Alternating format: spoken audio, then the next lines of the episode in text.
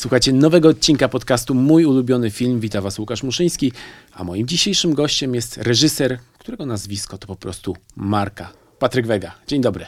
Witam, cześć. Spotykamy się przy okazji premiery Twojego nowego filmu Pętla, który trafi do polskich kin 4 września. O tym filmie też pewnie pod koniec jeszcze porozmawiamy, ale najpierw będzie o Twoim ukochanym dziele, do którego wracasz zawsze no i masz je głęboko w sercu zakodowane, a a to dzieło to? Odyseja kosmiczna. 2001, e, czyli arcydzieło Stanleya Kubricka z 1968 roku. No i właśnie, pytanie na początek. Przypominasz sobie pierwszy seans Odysei? Wiesz co, ja ten film zobaczyłem no chyba jeszcze pożyczając magnetowid od sąsiada, jeśli miałbym być szczery. Natomiast myślę, no, że oczywiście kompletnie tego filmu za pierwszym razem nie zrozumiałem. Ale w ogóle jest z Kubrickiem tak, że no myślę, że to był w ogóle taki ostatni wielki konstruktor światów i no, wiadomo, że to był reżyser też, który pracował na otwartym budżecie, co w dzisiejszych czasach jest w ogóle jakby nierealne, ale rzeczywiście z jego filmami jest tak, że e, Odyseję oglądam w zasadzie chyba raz w roku sobie robiąc taki seans i za każdym razem w tym filmie odkrywam coś nowego. Tak samo jest e, z oczami szeroko zamkniętymi. No to też jest dla mnie kapitalny film e, o małżeństwie i tak naprawdę nie doceniłem tego filmu w kinie, ale oglądając go drugi, trzeci, piąty raz, gdzie też jakby dojrzewam i coraz więcej gdzieś tam rozumiem i wiem o życiu, to jest też tak, że za każdym razem w tych filmach dostrzegam coś nowego. Wiem, że masz sporo tatuaży związanych ze swoimi ulubionymi filmami, więc zastanawiam się, czy Odyseja Kosmiczna też znalazła się Oczywiście. na Oczywiście. Jest na sztandarowym miejscu na przedramieniu. Jest Ten to... kadr z bohaterem w kasku. To był twój pierwszy tatuaż, który sobie sprawiłeś? Nie pierwszy. Pierwszy był wilk, ale jeden z pierwszych.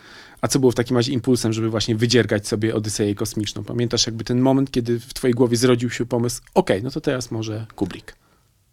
Wiesz co, ja się kierowałem głównie, no jednak takimi względami, powiedziałbym plastycznymi, ale też wpadłem na jakimś etapie tatuowania się na pomysł, żeby właśnie znalazły się na moim ciele motywy, które gdzieś mnie ukształtowały jako człowieka, twórcę, w związku z czym jest i Torgal, bohater komiksów, jest wiele filmów, e, oprócz e, Odysei jest też Obcy, film, który kompletnie w ogóle mnie, no można powiedzieć, nie wiem nawet czy nie skrzywił do dnia dzisiejszego, bo miałem chyba z 6 lat, jak dziadek zabrał mnie do kina na ucieczkę z Nowego Jorku. No i to mi się w ogóle śniło, to było szokujące ale myślę w ogóle, że pasję do kina odziedziczyłem po dziadku, bo on miał e, no wręcz taką technikę, że zbierając kwiatki w czasach komunizmu sprzedawał je i on w zasadzie co drugi dzień chodził do kina na te same filmy, ale pamiętam, że też miał taki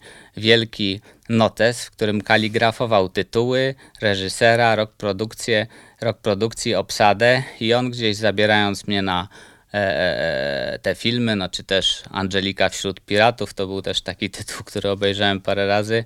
Gdzieś tam pewnie zaszczepił we mnie miłość do kina. Czyli miał w swoim notesie taki filmweb jeszcze przed czasami, kiedy o. filmweb w ogóle istniał. Prekursor. A z dziadkiem wybrałaś się też na Odyseję kosmiczną? Nie.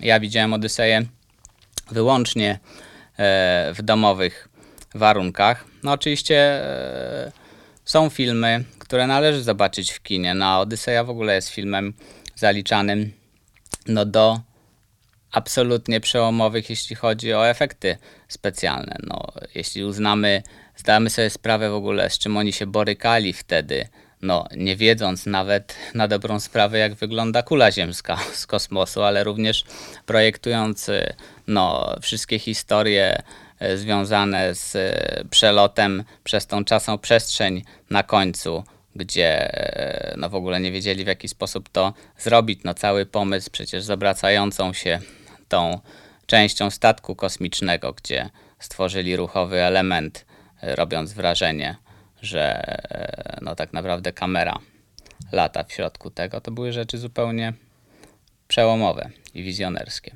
No właśnie, myślisz, co sprawia, że Odyseja się nie starzeje i co też sprawia, że ten film jest w topkach wielu wybitnych reżyserów. Steven Spielberg podaje go za jeden ze swoich ulubionych filmów. Christopher Nolan chociażby. Odyseja ciągle wraca, jest ciągle żywa i ciągle tak naprawdę nowi twórcy odnoszą się do niej w kolejnych pokoleniach. Ostatnio mieliśmy chociażby Adastrę Jamesa Greya, która też była swego rodzaju jakimś dialogiem z arcydziełem Kubricka. Podobał mi się ten film też. Chociaż nie zrobił wyniku, ale przez te szczególnie zabiegi dotyczące tej ciszy, e, to myślę, że kapitalną dramaturgię budowało. Ale dla mnie e, no, Odyseja jest w ogóle o tajemnicy istnienia, tak? Bo e, no po pierwsze też ta konstrukcja, która powoduje, że przeskakujemy po pierwsze no, między różnymi częściami wszechświata, ale też zupełnie odległymi czasami, no, jest czymś totalnie zakręconym. No, trzeba sobie zdawać sprawę, że podczas premiery ludzie to źle przyjmowali, bo kilkaset osób wyszło z sali podczas oglądania. No i e, e, też mnie kiedyś bawiło, jak Woody Allen mówił o tym, że zobaczył tą Odyseję i w ogóle nie wiedział, o co w tym chodzi. Ale za drugim razem, jak zobaczył, to stwierdził, że wow, to jest naprawdę niezły film. I dla mnie, e, no oczywiście wiadomo, że są wszystkie te słynne rzeczy, jak między innymi najbardziej e, no, genialne przejście, gdzie kość e, zamienia się w statek kosmiczny. To jest coś, co przeszło do historii kina, jeśli w ogóle mówimy o jakimś pomyśle na przeniesienie akcji, ale dla mnie też zupełnie e, no, wstrząsający i, dający do myślenia jest koniec tego filmu, gdzie ten bohater ogląda samego siebie starzejącego się.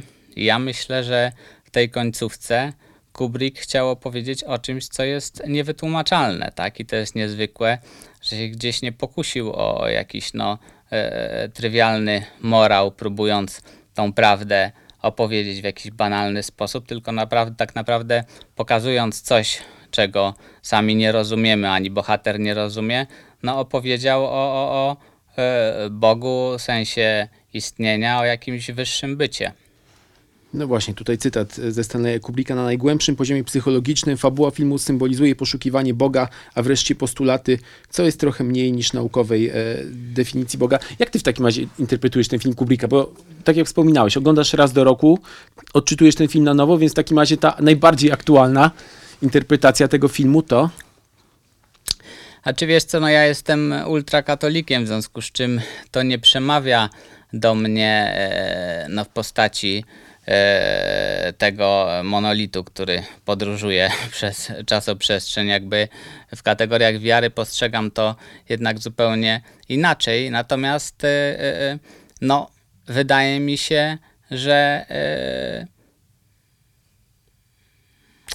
ja wiem, no tak naprawdę chyba pewna idea no, powtarzalności, zatyczania, zataczania E, e, okręgu historii, tak, tak naprawdę koniec tego filmu staje się jednocześnie początkiem, no to to jest jakiś element opowieści o tajemnicy życia.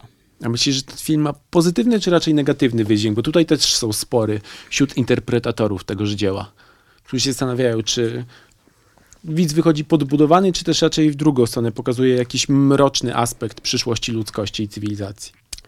Nie no, ja wychodzę zawsze z tego filmu z wrażeniem wow, w związku z czym myślę, że jednak ten wydźwięk jest jak najbardziej pozytywny, on nie jest przygnębiający. No oczywiście można się doszukiwać jakichś zagrożeń związanych z technologią w postaci e, tego komputera HAL i tak dalej, ale e, no myślę, że jednak nie to jest najważniejsze.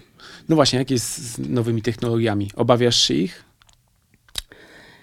Ja myślę, że gdzieś e, towarzyszy to odwiecznie e, ludzkości, jeśli chodzi o lęki. No tak samo jak się ludziom kiedyś wydawało, że e, no nie wiem, prasa pisana jest tak podstawą i wszystkie nowe technologie budzą gdzieś tam obawy.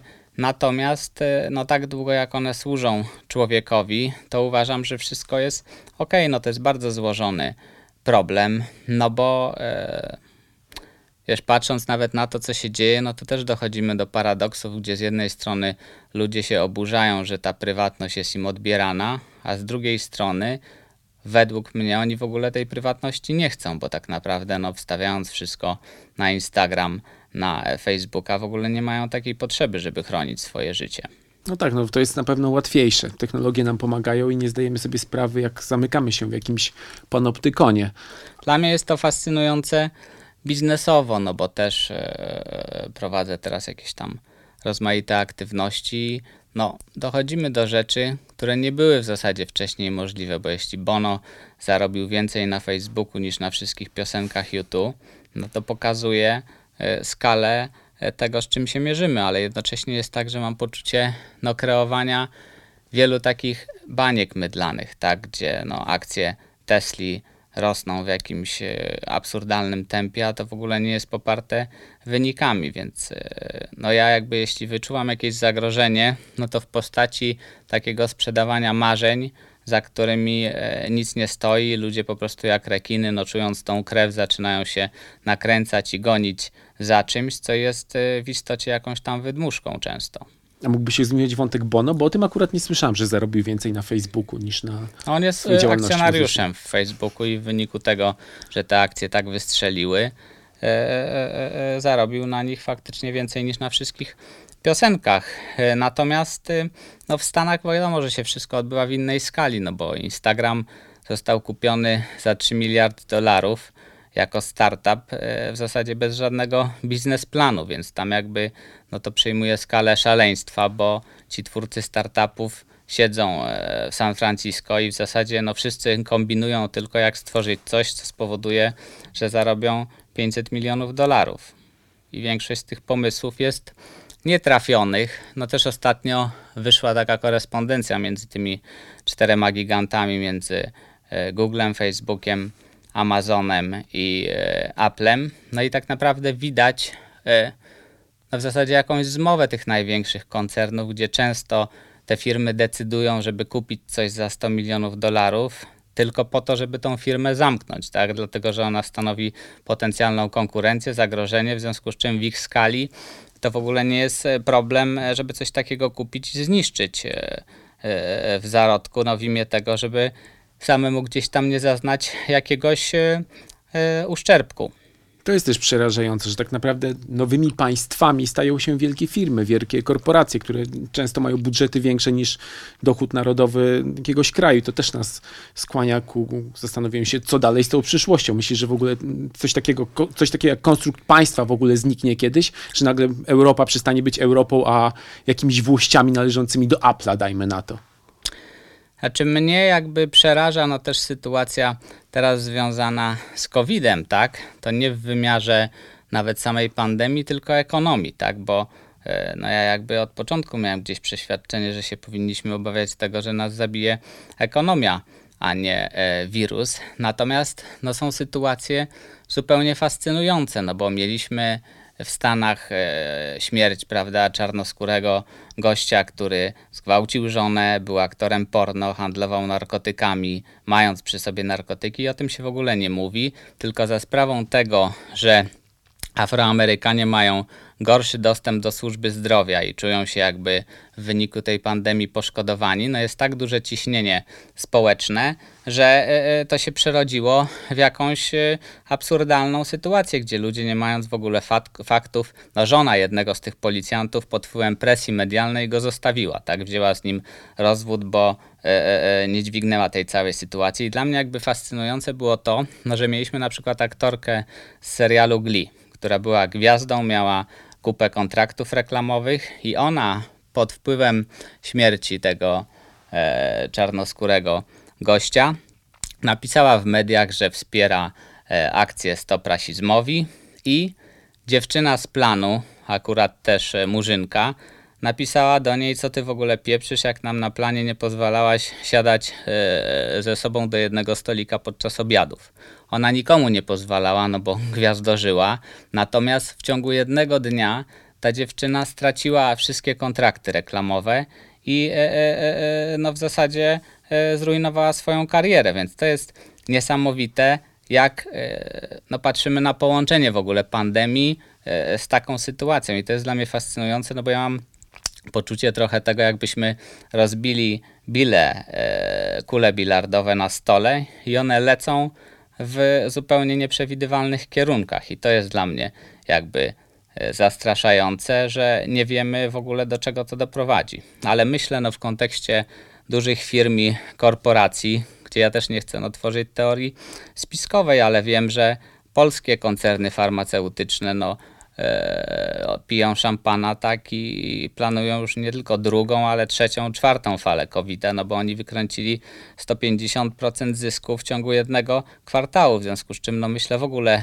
że te wojny w takim tradycyjnym wymiarze, gdzie latają ludzie z karabinami, no będą dotyczyć raczej obszarów jakiegoś e, e, e, trzeciego świata, tak? A myślę, że to, co się będzie dokonywać, no to będą wojny w oparciu o, o jakąś cyberprzestępczość, czy o, o historie związane z przemysłem, czy z farmacją, no bo e, ja nie twierdzę, że firmy farmaceutyczne stoją za e, wypuszczeniem koronawirusa, natomiast ewidentne jest dla mnie to, no, że te firmy, mając gigantyczne budżety na promocję, są w stanie sterować marketingiem i podsycać ten lęk społeczny, dlatego że wykręcają na tym horrendalne zyski. To nie jest jakby żaden problem e, no, przeznaczyć budżet na to, żeby stymulować pewną sytuację w mediach. No to co, nie ma pandemii koronawirusa? To jest e, wymyślone przez media? Nie, ona oczywiście jest, ale trzeba sobie zdawać sprawę, że gdyby to było 25 lat temu, no to z pewnością byśmy się tak tym nie nakręcili. No jednak ten przekaz medialny, to, że wszyscy tą informację stymulują, powoduje, że to jest zupełnie inaczej absorbowane według mnie w 2020 roku niż, no nie wiem, w 2000 roku chociażby. E, by się to odbywało. Natomiast no jest też jakby ewidentne, że e, firmy farmaceutyczne się w tym przypadku dopasowały do czegoś, co zaistniało, tak jakby w przestrzeni społecznej i e, robią na tym pieniądze. A jak w takim razie myślisz, pandemia koronawirusa wpłynie na przyszłość kina?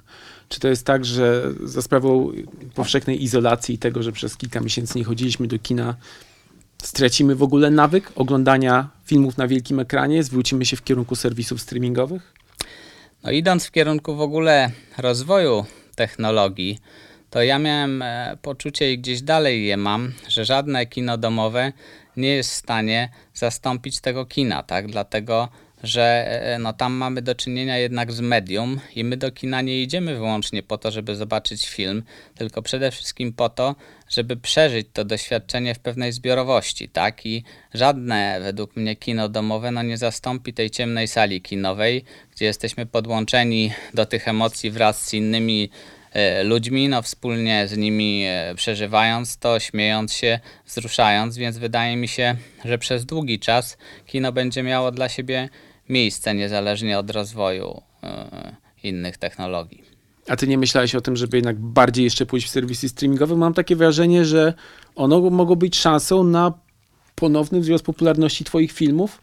E, twoje dzieło nakręcone z Małgorzatą Kożuchowską, dreszczowiec zgrywający się we Wrocławiu, swego czasu cieszył się dużo popularnością na zachodzie. Nagle został ponownie odkryty, więc może jest tak, że... Wiem to od streaming... gościa z kartelu, że był przez miesiąc na pierwszym miejscu meksykańskiego Netflixa, co jest zabawne, no ale tam jest dużo z wyroli, w związku z czym myślę, że te wszystkie sceny gdzieś ludzi kręciły. Natomiast y, y, no wracając do twojego pytania, ja y, powołuję teraz do życia własną platformę VOD, w związku z czym no, też gdzieś sczytuję to, co się dzieje. Super, w takim razie czy dowiemy się być może więcej na temat tej platformy? Jakieś szczegóły, skoro już temat wyszedł na jaw? Wiesz co, nie podam żadnych szczegółów, natomiast konstatacja jest taka, że stworzenie kolejnej platformy VOD nie ma najmniejszego sensu, bo to jest skazane na klęskę. No chyba, że mamy do czynienia z gigantem typu Disney, który ma gigantyczny content, wówczas ma to sens, ale tak naprawdę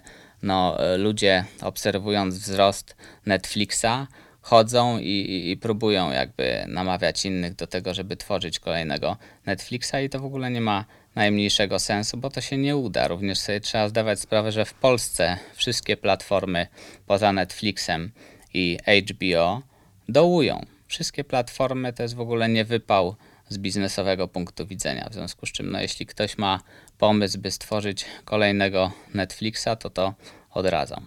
No to w takim razie jaka będzie twoja platforma, skoro przed chwilą powiedziałeś, że nie ma sensu tworzyć nowych? Ja uważam, że ja mam epokowe rozwiązanie, które opatentuję w Stanach Zjednoczonych i w Europie i jestem przeświadczony, że e, najwięksi gracze będą chcieli to ode mnie kupić. Coś więcej wyciągnę od ciebie na temat, na, na czym polega ta epokowość i przełomowość twojego rozwiązania?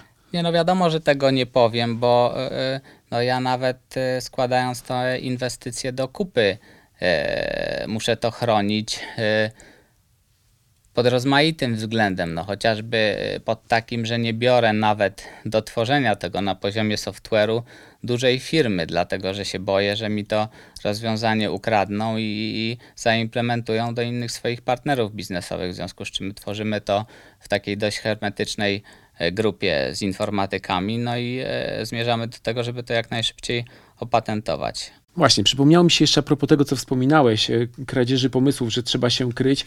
Czy miałeś wrażenie, że, że na przykład opowiadałeś w wywiadach o jakichś pomysłach na filmy i potem ktoś ci na przykład ten pomysł podkradł właśnie i nakręcił film?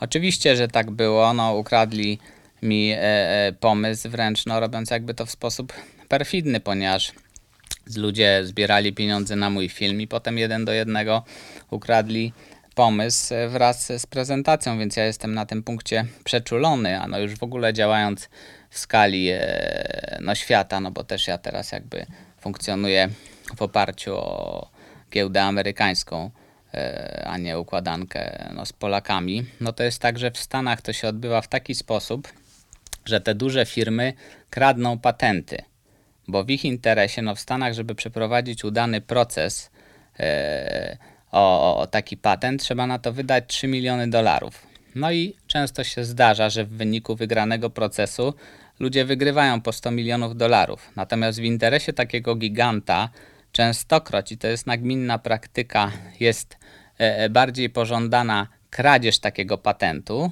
dlatego że oni w tym czasie no, wykreują biznes, na którym zarobią miliard dolarów. Więc potem późniejszy proces i przegrana 100 milionów e, powoduje, że tak czy inaczej na koniec dnia oni są zarobieni, więc e, no to się w Stanach bardzo często zdarza.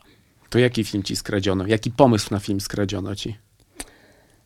Wiesz co, yy, no yy, nie wiem, musiałbym przegadać z prawnikiem, no bo też jest jakby spór, czy ja o tym mogę mówić. To powiedz w takim razie, czy ten pomysł, na który wpadłeś, potem przekułeś w film, czy on pozostał po prostu w kwestii, właśnie gdzieś tam w sferze idei? Nie, przekułem w film, to jest jeden z ostatnich filmów i ta konkurencja się wystraszyła e, gdzieś tego, co ja zrobiłem i koniec końców wejdzie po mnie. No dobrze, to w takim razie tutaj możemy postawić kropkę przy tym wątku. E, wróćmy do Odysei Kosmicznej. Stanley Kubrick e, zawsze bardzo ostro traktował swoich aktorów. E, I myślę, że najlepiej mogłaby o tym, najwięcej mogłaby na ten temat powiedzieć Shelley Duvall, która występowała w Lśnieniu i w ogóle cały proces realizacji traktuje jako jedną z najbardziej traumatycznych sytuacji w swoim życiu. A jak ty traktujesz aktorów? Jakim jesteś reżyserem na planie? Wracając do Kubricka, wydaje mi się, że chyba aktor, praca z aktorem to w ogóle nie było to, co go kręciło najbardziej e, w reżyserii, no bo e, no myślę, że jednak ta konstrukcja światów to było coś, co było wiodące, no bo no począwszy od pomysłów, tak, gdzie e, kręcił filmy wyłącznie w zastanym świetle, tak używając do tego świec, ognia, no przez rozwiązania dotyczące czy lśnienia, no gdzie tak naprawdę przecież ten hotel został stworzony, nie wiem, ze stu innych hoteli, tak, gdzie z jednego E, on wziął pomysł jadalni, z innego e, korytarze i stworzył no, jeden nieistniejący hotel, inspirując się rozmaitymi obiektami w Stanach Zjednoczonych. Myślę, że jego to nie kręciło.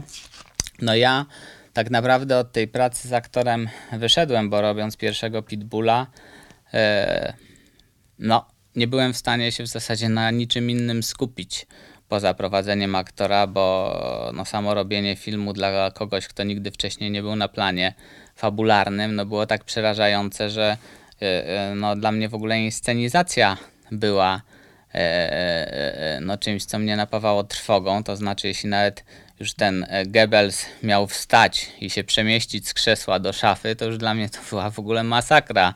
Jak się zastanawiałem, jakie ja mam ustawienia zrobić. E, e, no, traumą w ogóle była pierwsza scena, gdzie w Pitbullu rozmawiało bodajże ośmiu bohaterów przy stole. No i mamy coś takiego w filmie jak osi, ta osie, tak, że no w momencie, gdy jedna postać patrzy prawo-lewo, druga musi patrzeć lewo-prawo, żebyśmy po zmontowaniu mieli poczucie, że ci ludzie ze sobą rozmawiają, a nie patrzą w jednym kierunku. No i ja, mając tę scenę z ośmioma facetami przy okrągłym stole, z którym, przy którym każdy gadał z kim innym, jak zacząłem wchodzić w kwestię osi, analizując kto jest e, do kogo, jak usytuowany w którym kierunku, to wyszedłem w ogóle z migreną po tej scenie, robiąc to przez kilka godzin. No ale praca z aktorem e, e, e, kręci mnie do dziś. Oczywiście jest tak, że gdzieś z tymi aktorami mi się pracuje coraz prościej. To jest też tak, że ludzie, no z jednej strony w Polsce się bardzo dużo kręci, więc też ci ludzie gdzieś myślę, że coraz lepiej grają.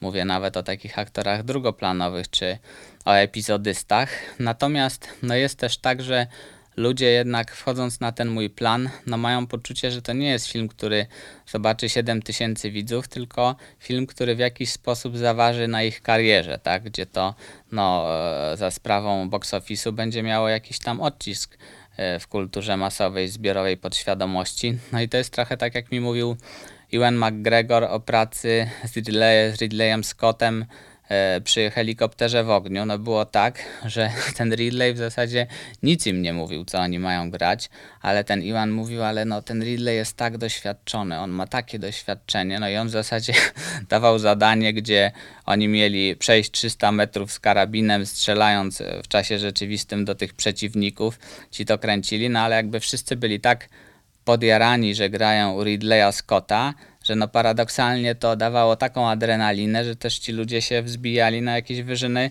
aktorstwa, więc ja jakby w tym e, aktualnym momencie, w którym jestem, no staram się przede wszystkim e, złapać z aktorami fajną relację, żeby oni mieli poczucie, no, że mają we mnie przyjaciela i że gramy do jednej bramki, bo to jest ważne, że e, no z jednej strony staram się tworzyć tym ludziom na taką przestrzeń bezpieczeństwa, żeby oni na tym planie nie czuli się wyobcowani, żeby nie mieli no, wrażenia, że e, nie wiem, w tym filmie ktoś zrobi z nich idiotę i tak dalej, tylko ta relacja powoduje, że e, no myślę, że oni wchodzą no mając poczucie, że nie są na tym planie sami. Ja no jednak staram się ze wszystkimi aktorami zakumplować.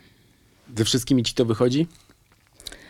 Wiesz co, no wiadomo, że się to, znaczy w momencie, w którym zaczynam kręcić filmy, to mi wychodzi, no bo e, inaczej byśmy się na tym planie e, nie znaleźli. Natomiast jest tak, no, że e, też no, jedni ludzie są zadowoleni z tej współpracy, na koniec dnia inni nie. No trzeba sobie zdawać sprawę, że no przecież w ogóle branża filmowa jest mega trudna pod tym względem, że na planie spotyka się multum indywidualności. No często e, artyści po prostu wiadomo, że mają e, gdzieś tam narąbane w głowie. No każdy dąży e, w swoim kierunku i ja tak naprawdę wierzę trochę w taką teorię synergii osobowości, której staram się z tych wszystkich ludzi, nie tylko z aktorów, ale też z twórców, wyciągnąć to, co najlepsze i trochę oszukać ich, że oni tworzą własną wizję, a tak naprawdę wykorzystać to po to, żeby zrobili to, co ja mam e, w głowie. No, natomiast no, to jest sytuacja, w której nie produkujemy guzików, no tylko e, grzebiemy w emocjach, w związku z czym e, no, w momencie, gdy też wszyscy oddają, angażują część siebie, wiadomo, że temu też towarzyszą różne uczucia, konflikty. A byłeś rozczarowany słabym wynikiem, słabym jak na ciebie, ponieważ jesteś, przyzwyczaiłeś nas do tego, że twoje filmy robią zazwyczaj powyżej miliona widzów słabym wynikiem e, Bad Boya? Oczywiście, że tak, no bo e, e, no jednak no robię filmy po to, żeby ludzie chodzili do kina. Oczywiście jest tak, że no mam poczucie, że ten COVID również się do tego przyczynił, tak? Dlatego, że no jeśli się patrzy obiektywnie na ilość widzów w tym samym miesiącu, rok wcześniej czy dwa lata wcześniej, no to obiektywnie tych ludzi poszło mniej do kina. No też trzeba sobie zdawać sprawę, że żaden film w tym okresie nie miał lepszego otwarcia niż ja. No, hater e, e, e, Jana Komasy wiązał się z ogromnymi oczekiwaniami. No, kiniarze przynajmniej i dystrybutor sądzili, że będzie spektakularne otwarcie po sukcesie Bożego Ciała i on się otworzył gorzej niż Bad Boy, więc myślę, że e, ta e, pandemia no, się w jakiś sposób przyczyniła. No, na zachodzie to już w ogóle było bardzo dotkliwe, bo ja byłem e, na premierze i w Londynie i w Berlinie, no i kiedy e, poszliśmy o godzinie 20 do multiplexu, gdzie było kilkanaście sal kinowych ja w piątek o 20 zobaczyłem cztery osoby przy kasie, które tam stały, no to już jakby miałem poczucie, że się coś e, zbliża, tak?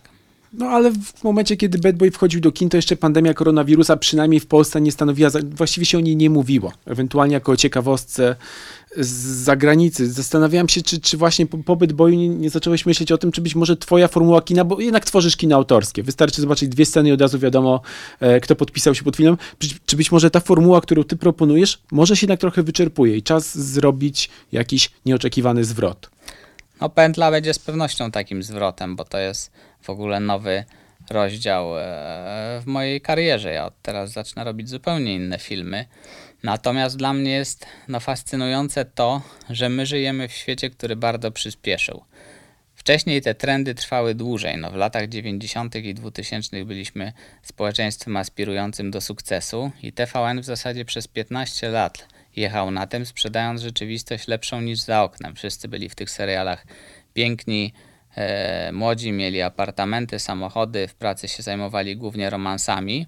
A dzisiaj tak naprawdę no, ktoś, kto jest popularny, e, popularnym youtuberem dzisiaj, jutro przestaje nim być. Ja nawet jak rozmawiam też e, z ludźmi z branży muzycznej, no to jest tak, że nie wolno spocząć na laurach i nawet jeśli nam coś wychodzi, no to nie można e, sądzić, że jesteśmy królem Zanzibaru, tylko ten świat się tak szybko zmienia, że trzeba mu się nieustannie przyglądać i dostosowywać do tego, jak on się zmienia, a dzieje się to bardzo szybko, więc ja no nie mam wątpliwości, że e, no też nie mogę robić rzeczy na zasadzie kopiuj i wklej, tylko cały czas muszę e, no chociażby z tym widzem dojrzewać, tak, bo to jest też widownia, no, która nie stoi w miejscu, tylko też ci ludzie się zmieniają. No widzisz, ale po, jak się poczyta komentarze pod zwiastunem twojego filmu, mówi o filmie Pętla, to mówi się o tym, że to jest klasyczny Vega, a ty tuż przed premierą jeszcze Bad kiedy miałeś dopiero wejść na plan zdjęciowy Pętli, powiedziałeś, że Pętla będzie twoją pierw, twoim pierwszym prawdziwym filmem w, w życiu. Na czym polega, dlaczego, dlaczego to będzie prawdziwy film, a dlaczego tamtych pozostałych 14 nie było prawdziwymi filmami? Wiesz co, no ja od teraz y, y, będę miał w tych filmach piętro, którego wcześniej nie było. I tak naprawdę te filmy będą niosły no kompletnie inną historię. No jednak te wcześniejsze historie miały wyłącznie jedno piętro opowiadania. Teraz jest tak, że y, y, y, no, cała historia, która jest w tym filmie pokazana, służy tak naprawdę do opowiedzenia czegoś zupełnie innego. Jest w tym filmie też wiele rzeczy e, symbolicznych, odwołujących się do malarstwa, jeśli chodzi o kompozycję kadrów i tak dalej. No więc e, e, no dla mnie jest to coś zdecydowanie innego. No ale można by pomyśleć, że jest to też klasyczny Patryk Wega. Mamy tutaj e, mocną historię, dużo seksu, dużo przemocy, e, z twoją starą gwardię aktorską. No tak, tylko że też komunikując się z ludźmi, no ja nie jestem w stanie też e, e, e, no, przemycać na etapie zwiastuna jakichś treści, które są dla mnie ważne, dlatego że one za sprawą jakiegoś skrótu mogą być dla ludzi w ogóle niekomunikatywne czy niezachęcające, więc też sobie trzeba zdawać sprawę, że no, zwiastun jest pewnym opakowaniem tego, co e, oglądamy w kinie i to nie jest obiektywna e, no, kwestia dotycząca filmu. No, ludzie nawet po obejrzeniu tych dokumentów, które wrzucam do sieci, czy po zobaczeniu tych wszystkich e, elementów fabularnych, oglądając film, no mają poczucie, że dostają coś zupełnie nowego, czego się nie spodziewali na etapie zwiastunów, no nie mają poczucia, że zobaczyli e, całą historię w zwiastunie i tak naprawdę film im nie oferuje czegoś e, nowego, tylko w filmie to story jest kompletnie inaczej rozwiązane. No ale też czuć po tych e, twoich zapowiedziach, że to jednak będzie kino eksploatacji. Że będzie dużo to, z czego ciebie znamy, czyli właśnie skandalizowanie, e, inspirowanie się autentycznymi rzeczami, które znamy z, nagłówków prasowych, które znamy z internetu. Ja nie mam poczucia, że tam jest nastawienie na skandalizowanie. To w ogóle nie jest o tym film. Wiadomo, że ludzi najbardziej jakby w tej całej historii kręcą e, seks taśmy i każdy chciałby wiedzieć, kto na tych taśmach był, e, zarejestrowany. No i na tym też to promujesz. No w jednej z e, twoich opowieści mamy historię, przepraszam, że ci wchodzę w słowo, mamy historię e, pani, która była gwałcona przez zwierzę, więc to nie mów mi, że jednak skandalizowania tutaj nie ma zupełnie. No tak, tylko też jakby ja w ogóle wyrosłem z dokumentu, tak? E, Zacząłem tak naprawdę moją przygodę z kinem od dokumentu, robiąc najpierw dokumenty o dzieciach e, z patologicznych rodzin, a potem kręcąc prawdziwe psy, e, które stały się no, takim preludium do Pitbulla, więc no, dla mnie jednak ta warstwa dokumentalna jest e, osobnym utworem innym niż film. I w tym momencie, no przez to, że jednak odnoszę się do zupełnie prawdziwej historii i film fabularny wyrósł z tego dokumentu, no to jest naturalnym, no, że, że odnoszę się do tego, co ci bohaterowie mi opowiadają, przynoszą i tak dalej, ale nie znaczy, że to jest e, kopiuj wklej przeniesione do filmu. A jeżeli chodzi na przykład o scenariusz, ponieważ też pewno, na pewno słyszysz te zarzuty, że twoje scenariusze są pisane na szybko i że to się czuje. Czy ten aspekt materii filmowej również poświęciłeś mu więcej czasu, aby to właśnie wyglądało jak prawdziwy film, tutaj cytując ciebie? Wiesz co, no myśmy pracowali nad tym wiele miesięcy. E, tworzyliśmy ten scenariusz i e, z autentycznymi bohaterami tej afery. E, scenariusz był wreszcie pisany przez trzy osoby, gdzie robiłem to wspólnie z dwoma innymi scenarzystami, więc mam poczucie, że odrobiliśmy tę pracę domową. No dobrze, wróćmy po raz kolejny do Odysei Kosmicznej. Czy wierzysz w obce cywilizacje? Pozaziemskie cywilizacje.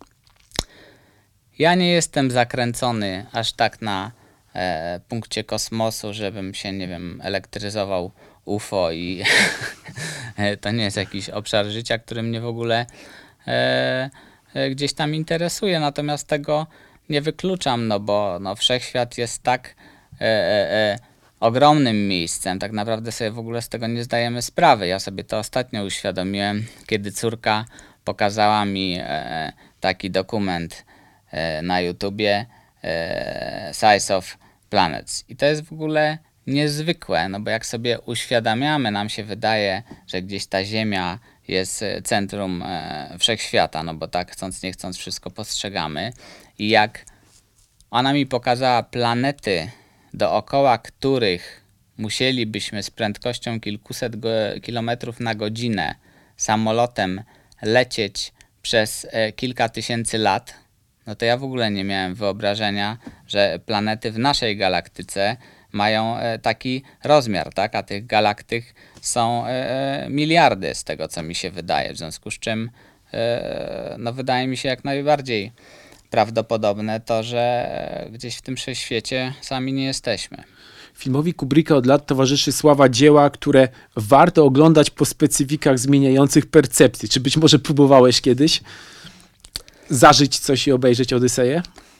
Wiesz co, nie, aczkolwiek e, kiedy jeszcze piłem alkohol, no to lubiłem sobie nalać szklankę whisky do tego.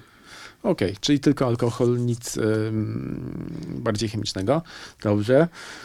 Słyszałeś może o tym, że Tom Cruise kręci film, ma zamiar nakręcić film w kosmosie? W kosmosie? No dobrze, to wprowadzę cię. Y, Tom Cruise nakręci film w kosmosie, na stacji kosmicznej. Planuje ten projekt razem z NASA i SpaceX, Elona Muska.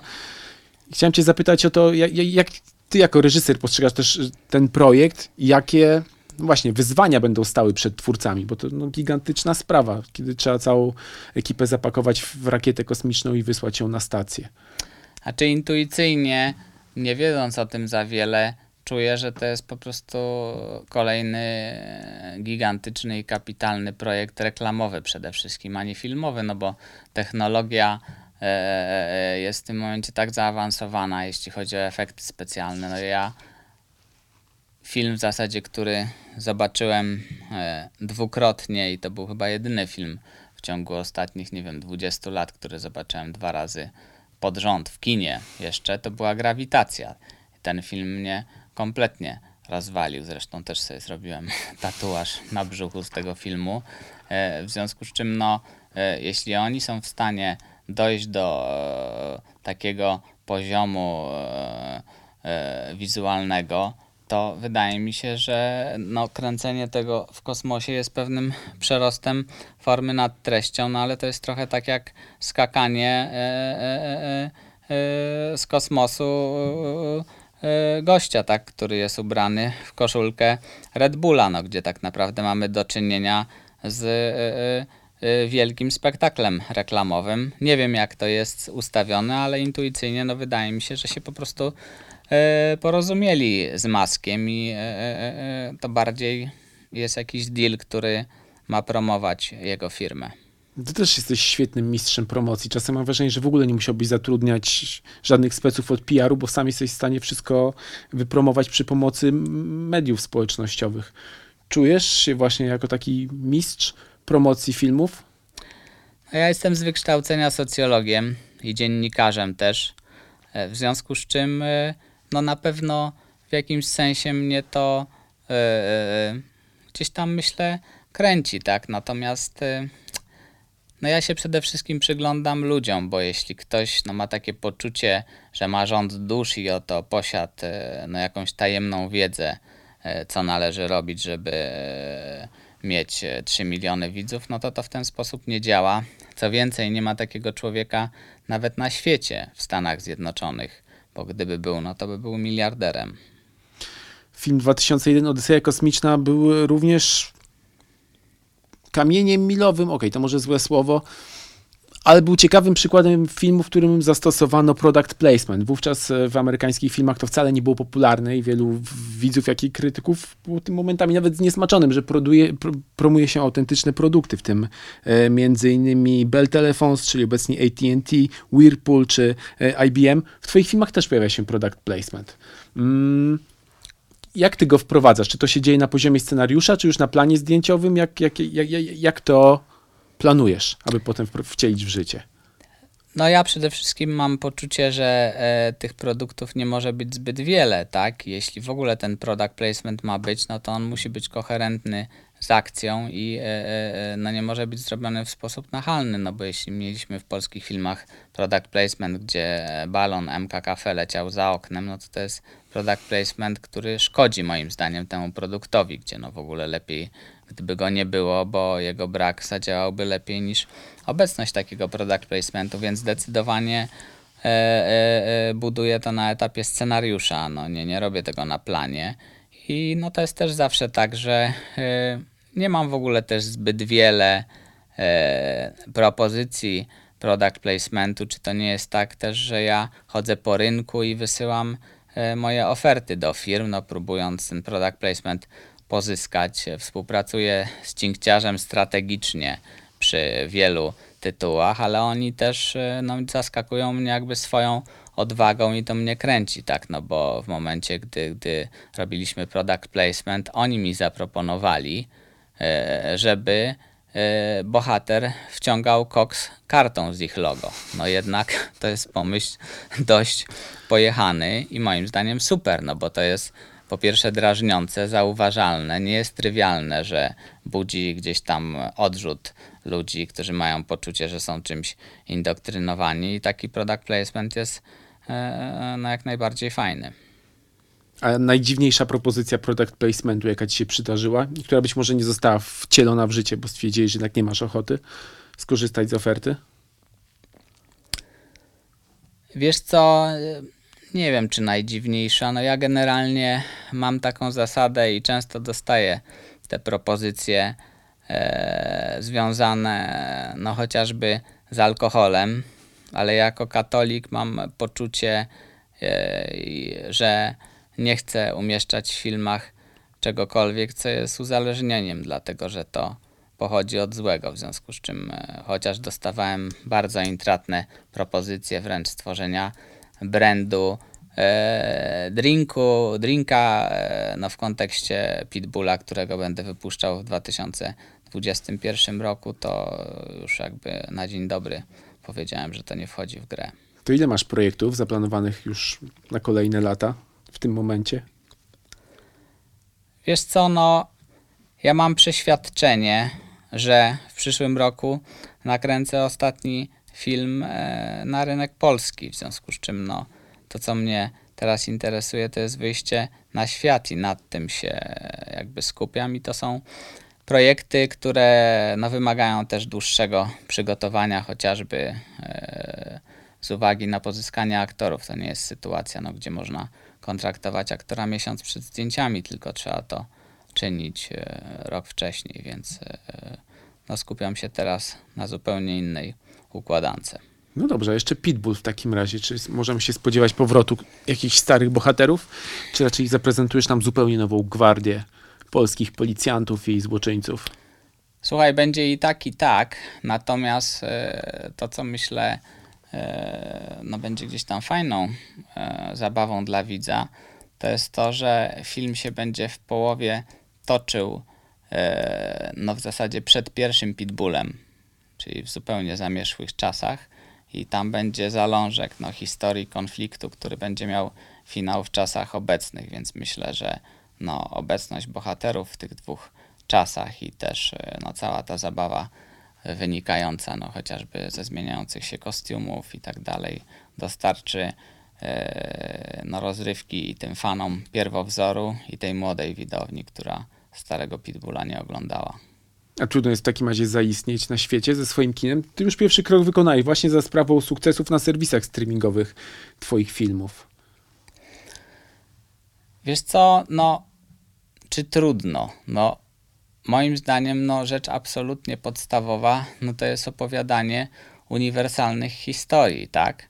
I e, no, jeśli chodzi o pętle, to mam bardzo dobry odbiór zagranicznego dystrybutora, no bo on mi powiedział, że to jest historia uniwersalna właśnie, która jego zdaniem mogłaby się dziać w Brooklynie, w Berlinie, w dowolnym miejscu na świecie i uważa, że to jest e, kapitalna jakby e, fabuła, jeśli chodzi o potencjalny remake, chociaż ja nie mam takiego e, planu, więc jakby no punktem wyjścia dla mnie zawsze, no ja staram się szczytywać to, co drzemie gdzieś w tej zbiorowej podświadomości, dlatego, że jeżeli opowiadam film o czymś, czym się interesują ludzie, no to już w punkcie wyjścia mam zainteresowaną potencjalną grupę widzów. No jak opowiadam film o czymś, co nikogo nie interesuje, no to trzeba wydać pierdyliard dolarów, żeby przekonać ludzi, że to jest interesujące. Więc w przypadku tych filmów zagranicznych, no ja też jakby e, e, uważnie e, dobierałem tematy,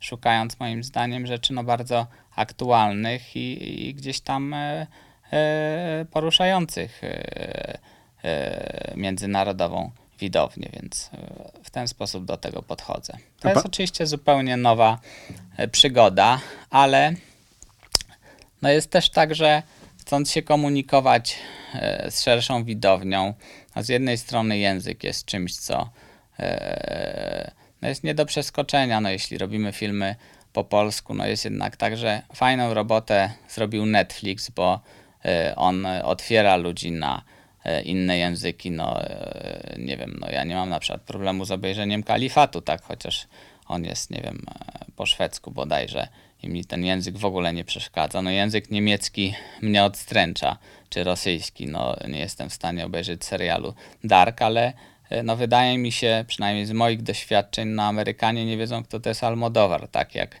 dla nich e, coś oznacza konieczność e, czytania napisów, to jest z góry no, produkt, który jest odrzucony, więc ten język z jednej strony pozwala komunikować się z szerszą widownią i no to też daje no też zupełnie nawet inne ryzyko, tak? Dlatego, że jeśli mam produkt dedykowany na, e, nie wiem, 100 rynków, no to jest inna sytuacja niż jeden kraj, gdzie e, może nastąpić żałoba narodowa i się okaże, że zamknęli kina. A pandemia koronawirusa to jest dobry temat na film? Masz już jakiś pierwszy draft scenariusza na ten temat? Wiesz co, e, film, który wypuszczam e, 7 lutego 21 się dzieje w czasie tej pandemii. Zdradzisz coś więcej? Wiesz co, to jest film o epidemii samotności. W dużej mierze jakby punkt wyjścia jest taki, no, że ludzie mając coraz większy dostęp do takiego wyzutego z uczuć seksu, mają jednocześnie coraz większą trudność z budowaniem relacji bliskości i miłości z drugim człowiekiem. I ta pandemia, która e, spotyka bohaterów, no jest czymś takim, co e, e, zaczyna przewartościowywać ich po, postawy. No ale jestem też bardzo zadowolony z tego, że już jakby na potrzeby tego filmu nakręciłem kilkadziesiąt no bardzo takich spektakularnych ujęć miasta, gdzie mieliśmy przez krótki taki moment na początku tej pandemii czas, gdzie w centrum były zupełnie pustki. I rzeczywiście no, mam ujęcia Emilii Plater czy innych ulic, które wyglądają jak e, z filmu e, 21 dni później. I to jest już jakby coś, co się według mnie e, prędko nie powtórzy, a robi to no, wrażenie takiego wow. Więc cieszę się, że to nakręciłem już wtedy z myślą o tym filmie. Polskie ostatnie tango w Paryżu? No nie patrzę na to w ten sposób, aczkolwiek no raczej jeśli coś mi przyświecało, czy w ogóle, no trudno mówiąc, że, ja, że się wzorowałem na czymś, ale e, gdzieś mi się to rymuje bardziej e, z rekwiem dla snu. Czyli szykuje się jazda po bandzie. Ja- Jazdą po bandzie była też realizacja filmu Pętla w trakcie pandemii koronawirusa, no i spotkało się to ze sporym ostracyzmem ze strony polskiego środowiska filmowego. Ale ty mam wrażenie, jakby nie odpowiadałeś w ogóle na te zarzuty. No słuchaj, jest to śmieszne, no w sytuacji, gdzie piętnowano mnie za to, że kręcę film przy e, setce bodajże zakażonych dziennie, a dzisiaj no mając 900 osób, ludzie e, siedzą w skupiskach i piją Prosecco, tak? I wszystkie produkcje wróciły do gry i e, nie ma z tym problemu. Ja, e, no niechlubnie powiem, że byłem po pierwsze prekursorem w ogóle pracy w takich warunkach, no bo wymyśliłem wszystkie rzeczy związane ze ślu- e, śluzą lekarską, z badaniem ludzi przed wejściem na plan, z podzieleniem ekipy na mniejsze zespoły, żeby nie było w jednym miejscu skupisk ludzkich, z odseparowaniem stanowisk pracy dotyczących charakteryzacji i tak dalej. I teraz, e, no po wielu miesiącach, e, wiele z tych rozwiązań zostało wprowadzonych e, w produkcjach fabularnych. Miałem wreszcie testy, które zakupiłem już e, wtedy na koronawirusa i co jest istotne, nie złamałem żadnego przepisu kręcąc ten film, ponieważ ludzie mnie piętnowali w mediach, no ale ja też badałem jakby każdą rzecz e, z moim działem prawnym i po pierwsze, no myśmy w ogóle nie podpadali pod zgromadzenie, bo to nie była sytuacja prywatna, tak, gdzie się spotkaliśmy na rowerach kilkadziesiąt osób, żeby sobie przejechać przez las. Również nie podpadaliśmy pod przepisy dotyczące zakładu pracy, dlatego że kręcenie filmu jest działalnością opartą o usługi, w związku z czym ja nie złamałem żadnego przepisu kręcąc ten film, natomiast mógłbym rzeczywiście książkę napisać chyba, czy wykłady dawać na uniwersytecie, jak nakręcić film e, w czasie COVID-a, bo to było ultra trudne. No już nie mówię o sytuacjach, gdzie no ludzie w zawiści wzywali po pięć razy na godzinę policję, po prostu z, e, no, obserwując plan z okna, tak i w ciągu scen plenerowych ta policja przyjeżdżała po pięć razy, no za każdym razem jakby spisując nas, nic nie mogąc robić, no już potem myśmy im maseczki rozdawali, bo mieli deficyt, w związku z czym prosili nas, żeby im te maski e, e, dać e, i było to bardzo skomplikowane. E, już nie mówię o rzeczach obiektowych, bo potem się w ogóle okazało, że nie da się kręcić e, w przestrzeniach publicznych filmu. No ale też miałem sytuację, gdzie aktorka główna e, stwierdziła dwa dni przed zdjęciami, że nie dźwignie tego, bo się boi ostracyzmu i tak dalej. Znalazłem nową aktorkę i zaczynałem zdjęcia o 6 rano w piątek i ona o 5 bodajże 48 zadzwoniła, że e, źle się czuję, ma dreszcze i nie będzie w stanie tego grać. W związku z czym pierwszy raz zacząłem film bez e, głównej aktorki kręcić i e, pozyskałem ją około 13 tego dnia i oczywiście zawsze się otwieram na to pozytywnie, no bo mam przekonanie, że na koniec dnia no, grają w tym filmie ci ludzie, którzy mieli się tam znaleźć i ta aktorka, która zagrała, no, okazała się kapitalnym rozwiązaniem, bo świetnie poradziła sobie z tą rolą i na koniec dnia jestem e, no, szczęśliwy, że ona zagrała, a nie kto inny. Natomiast no, była to sytuacja ultra trudna.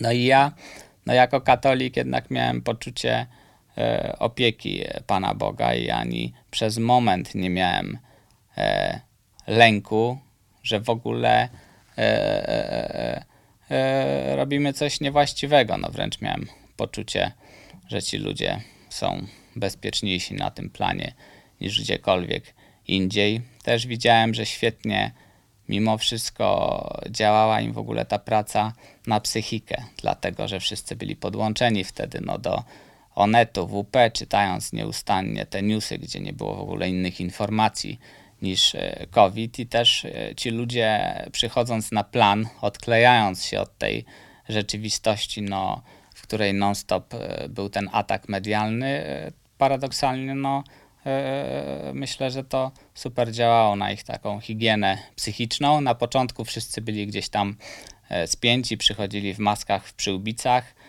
ale potem ludzie no, oswoili się z tą sytuacją i zaczęliśmy funkcjonować po kilku dniach jak normalny plan filmowy, żyjąc gdzieś poza tą pandemią. Szczerze mówiąc, trudno w to uwierzyć, biorąc pod uwagę, że jest tam mnóstwo scen intymnych, że rzeczywiście ludzie jakby byli um, pozbawieni jakichś wątpliwości, no ale dobrze, film powstał i premiera już 4 września. Już pytanie na koniec, skoro rozmawiamy o Odysei Kosmicznej, a jest to film wybiegający daleko w przyszłość, gdzie ty siebie widzisz za 10 lat? Bo już wspominaliśmy o tym, że, że, chcesz kręcić filmy na rynki międzynarodowe, przygotowujesz platformę streamingową, wchodzisz w jakieś nowe biznesy, których też nie chcesz zdać, ale domyśliłem się, że mogą być one związane z nowymi technologiami. Ty w ogóle chcesz być jeszcze reżyserem? Właśnie na przykład za 10 lat, czy w ogóle masz ochotę po prostu zajmować wszystkie pieniądze i żyć sobie szczęśliwie i w spokoju? Wiesz co, ja już mógłbym żyć szczęśliwie i w spokoju. Natomiast e, to jest tak, że teraz jestem w takim momencie, kiedy jestem w stanie robić coś w zupełnej wolności, bo się nie muszę e, no tak naprawdę czymkolwiek blokować. I ja jestem przeświadczony, że będę kręcił filmy do końca życia, dlatego że Antonioni powiedział, no, że jeśli kiedyś nakręci film, w którym nie będzie chciał poprawić ani jednej sceny, to przestanie być reżyserem. I w tym zawodzie niezwykłe jest to, że ty przez całe życie jesteś w stanie się czegoś uczyć, rozwijać się i e, e, ja wiem, że no nawet kręcąc film w wieku tych 80 lat, dowiem się czegoś nowego o życiu, o sobie. A jednak jak się patrzy na reżysera, no to trochę jak w przypadku matematyka jest tak, że jeśli ja zachowam dobrą kondycję fizyczną, no to pewnie swoje optimum osiągnę w wieku 60 lat, bo wtedy będę już na tyle rozwinięty intelektualnie, że będę w stanie robić najlepsze filmy. Kręcenie filmów jest uzależniające w takim razie? Wiesz co, no ja nie potrafiłbym pracować, w ogóle żyć bez pracy. Ja jestem no takim typem człowieka, który się w tej pracy nie męczy. No ja wiem po prostu, że yy, nie byłbym w stanie żyć no, bez dokumentacji, bez kreacji, nawet gdybym miał pisać te rzeczy do szuflady, to i tak bym yy, no, nie był w stanie pozbawić się tej możliwości poznawania życia, chłonięcia nowych historii, spotykania nowych ludzi. Jestem przekonany, że to mi będzie towarzyszyć już zawsze. A mówił to Patryk Wega. Bardzo dziękuję. Dzięki.